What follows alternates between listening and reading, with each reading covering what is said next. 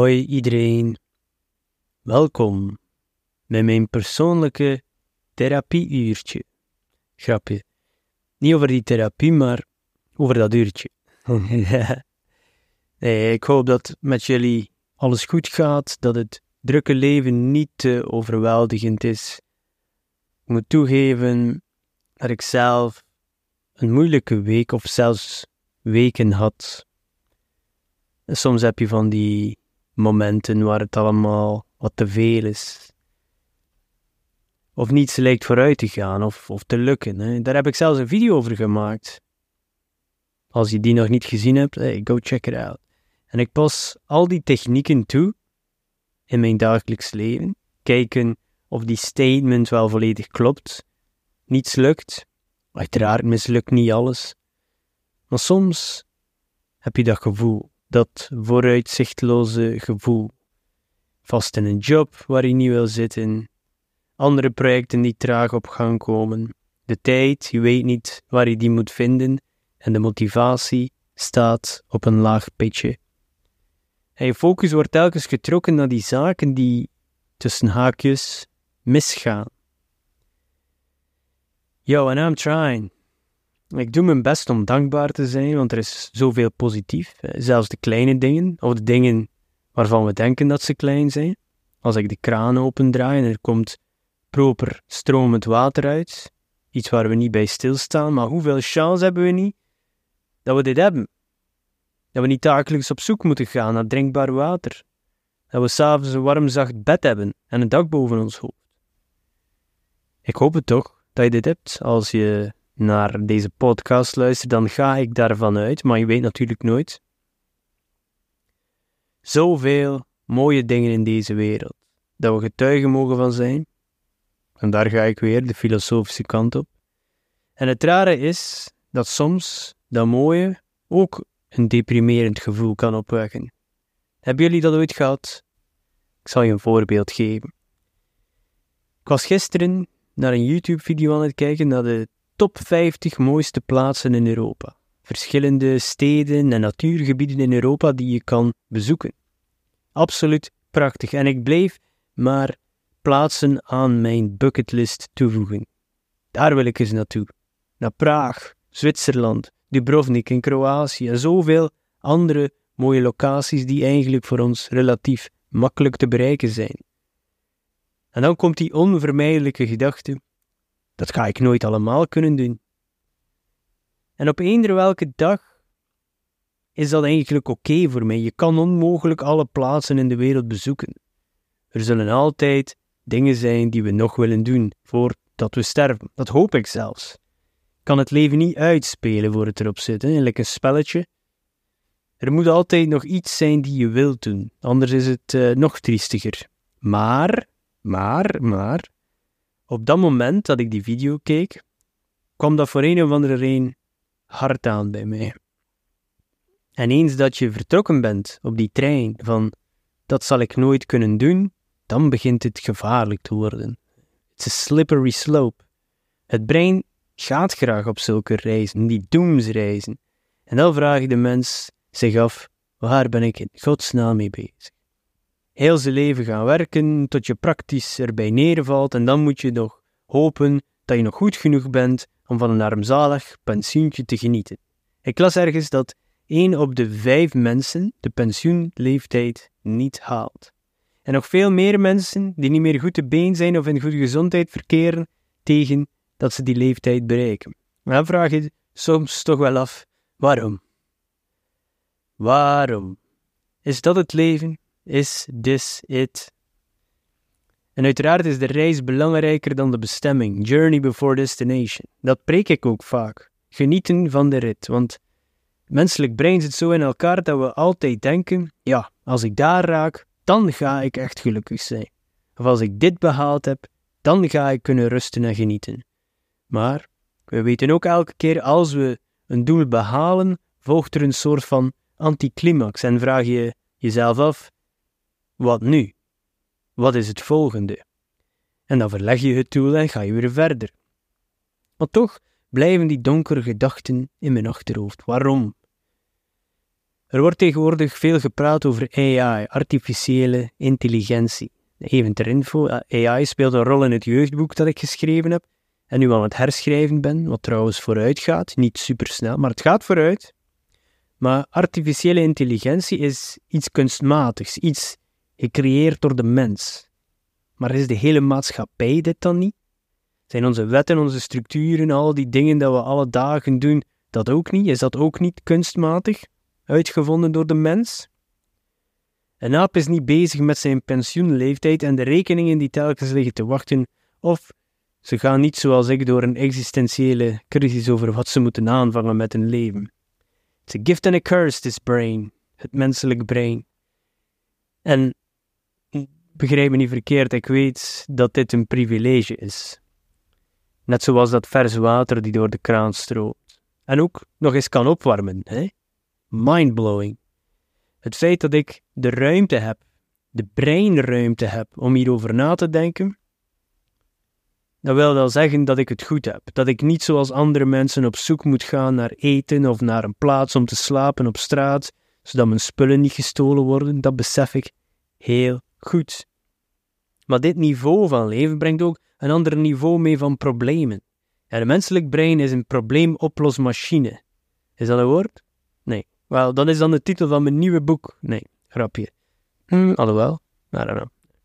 Maar het brein probeert dus constant problemen op te lossen. Zelfs al heb je, ja, schijnbaar minder problemen. En zoekt altijd naar nieuwe problemen en die vindt er ook telkens. Dat kan vermoeiend zijn op den duur.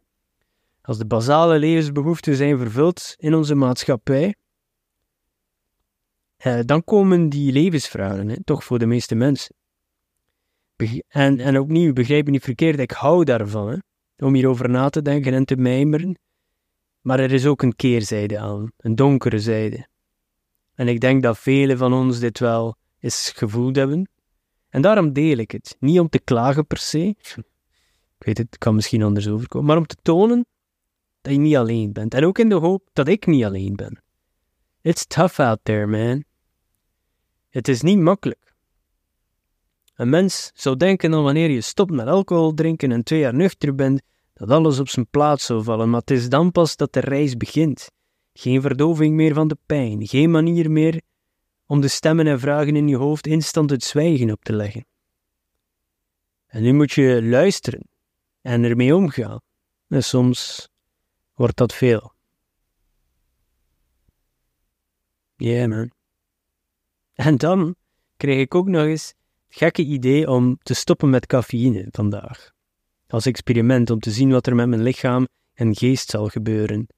Uh, maar ook omdat mijn slaap de laatste tijd niet meer goed zit. En dat draagt allemaal bij aan die state of mind dat ik nu in ben. We weten allemaal, als we niet goed geslapen hebben, dat we overal minder tegen kunnen. En wat mij is dat nu al jaren aan de gang en het ging wat beter, maar de laatste weken weer heel slecht. Vijf uur per nacht on, onderbroken nog een keer eh, om het uur. En, man. en ik weet alle tools en technieken die ik kan proberen om het te verbeteren, maar ik bleef dat maar uitstellen. Zo dat idee van, ah, ik heb al eh, gestopt met drinken, moet nu nog een keer stoppen met cafeïne. Gaan ze het allemaal afpakken van mij? dus we zien uh, ja, welke weg ik op ging. Maar we gaan ook zien hoe dit experiment verder verloopt uh, met de cafeïne. Ik hou jullie zeker op de hoogte. Man, man, man, fuck, het leven is hard soms. En direct daarna komt de gedachte, maar is het echt wel zo, of maak ik het zo zwaar voor mezelf? En dan ben je weer vertrokken, op die slippery slope. Waarom doen we dat? Ik zeg altijd, wees niet te streng voor jezelf. En dan zeg ik dat tegen de mensen die luisteren of kijken naar mijn video's op het einde, maar ik zeg het ook tegen mezelf. Want ik weet hoe streng ik ben voor mezelf en dan weet ik dat andere mensen dit ook zijn. Het zit voor een of andere reden ingebakken in ons, in ons DNA, en daarom moeten we ons vaak aan herinneren, heel vaak. Want je bent snel vertrokken. Mensen die mediteren weten ook, de ene seconde ben je op je ademhaling geconcentreerd en dan de andere seconde zit je weer met je gedachten ergens anders. En dat is met, met die uitdrukking dat ik zeg, wees niet te streng voor jezelf, net hetzelfde. we zeggen het één seconde tegen onszelf en dat lukt dan voor tien seconden en een minuut later zet je jezelf weer te vervloeken. Dus ik moet me daar heel vaak aan herinneren. Een existentiële crisis getriggerd door een YouTube-video over de mooiste plaatsen in Europa. Maar dat is het ook, hè. Sociale media en YouTube en internet in het geheel heeft de wereld schijnbaar kleiner gemaakt. We zijn op de hoogte van wat er gebeurt aan de andere kant van de planeet en dat op elk moment van de dag. Dus op die manier is de wereld kleiner en beter bereikbaar, maar door al die mooie video's en foto's en de leuke levens van de bekende mensen en de influencers die elke dag op reis zijn of aan het strand liggen, eh, dan lijkt dat zogenaamde ideale leven nog verder van ons af en totaal onbereikbaar. Want wij staan elke ochtend op en zeggen: hoe is dat mogelijk? Dus ik denk dat is gevaarlijk dat we dat ook constant zien en gaan vergelijken met ons eigen leven. Dus we zijn niet alleen meer op de hoogte van alles wat er gebeurt, maar ook van alles wat we nooit zullen kunnen doen. We gaan nooit alle landen of stenen kunnen bezoeken die we willen. We zullen nooit alle films kunnen kijken of alle boeken kunnen lezen in de wereld. En bij die laatste twee, de mensen die mij kennen zullen weten dat ik aan een goede poging bezig ben. Sommigen zouden mij een film-encyclopedie noemen. Misschien niet, misschien noem ik mezelf zo, maar het feit blijft, ik heb veel films en series gezien en heb enorm veel boeken gelezen. Maar ik zal ze nooit allemaal kunnen lezen. Dit jaar heb ik zelfs iets minder dan de vorige jaar, omdat ik zoveel bezig ben met van alles en nog wat. Maar ik zit wel al aan 75 boeken op dit moment. Dus normaal zou ik al aan 100 zitten op deze tijd van het jaar, maar dat neemt niet weg dat ik er heel veel lees. 75 is nog altijd veel. En nog is dit nog maar een fractie van alle boeken in de wereld. Dus we zullen nooit alle boeken kunnen lezen die we willen. Maar van alle die boeken kunnen we wel gelijk welke lezen. Even bij stilstaan. Om naar een positief einde te bouwen van deze crisisaflevering.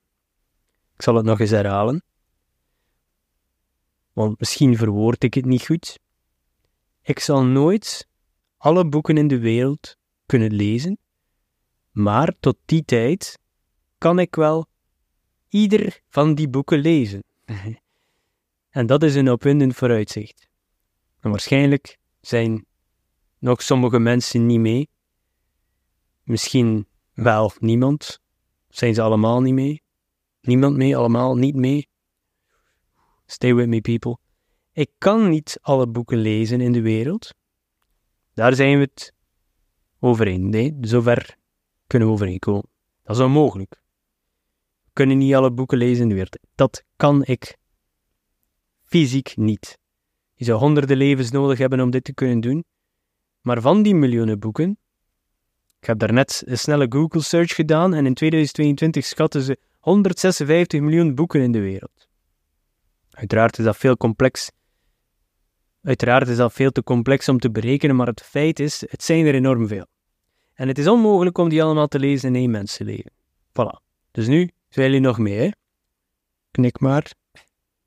Maar van die 156 miljoen kan ik wel gelijk welke oppikken om te lezen. Dus de mogelijkheden zijn praktisch eindeloos. Ik weet niet welke van die 156 miljoen ik zal lezen. Het kan gelijk welke zijn. En dat is iets die mij motiveert, iets die mij happy maakt. Ik kan ze niet allemaal lezen, maar ik heb wel de kans om gelijk welke op te pikken. Ik kan niet naar al die plaatsen in Europa gaan die in die YouTube-video voorkwamen. Maar ik kan wel gelijk welke kiezen, en dat is wel mogelijk. So that excites me. Niet weten kan een onzekerheid veroorzaken, maar het brengt ook spanning mee, dingen om te verkennen. En mensen zijn verkenners. The unknown. Het is bangelijk, maar tegelijk ook super spannend en opwindend.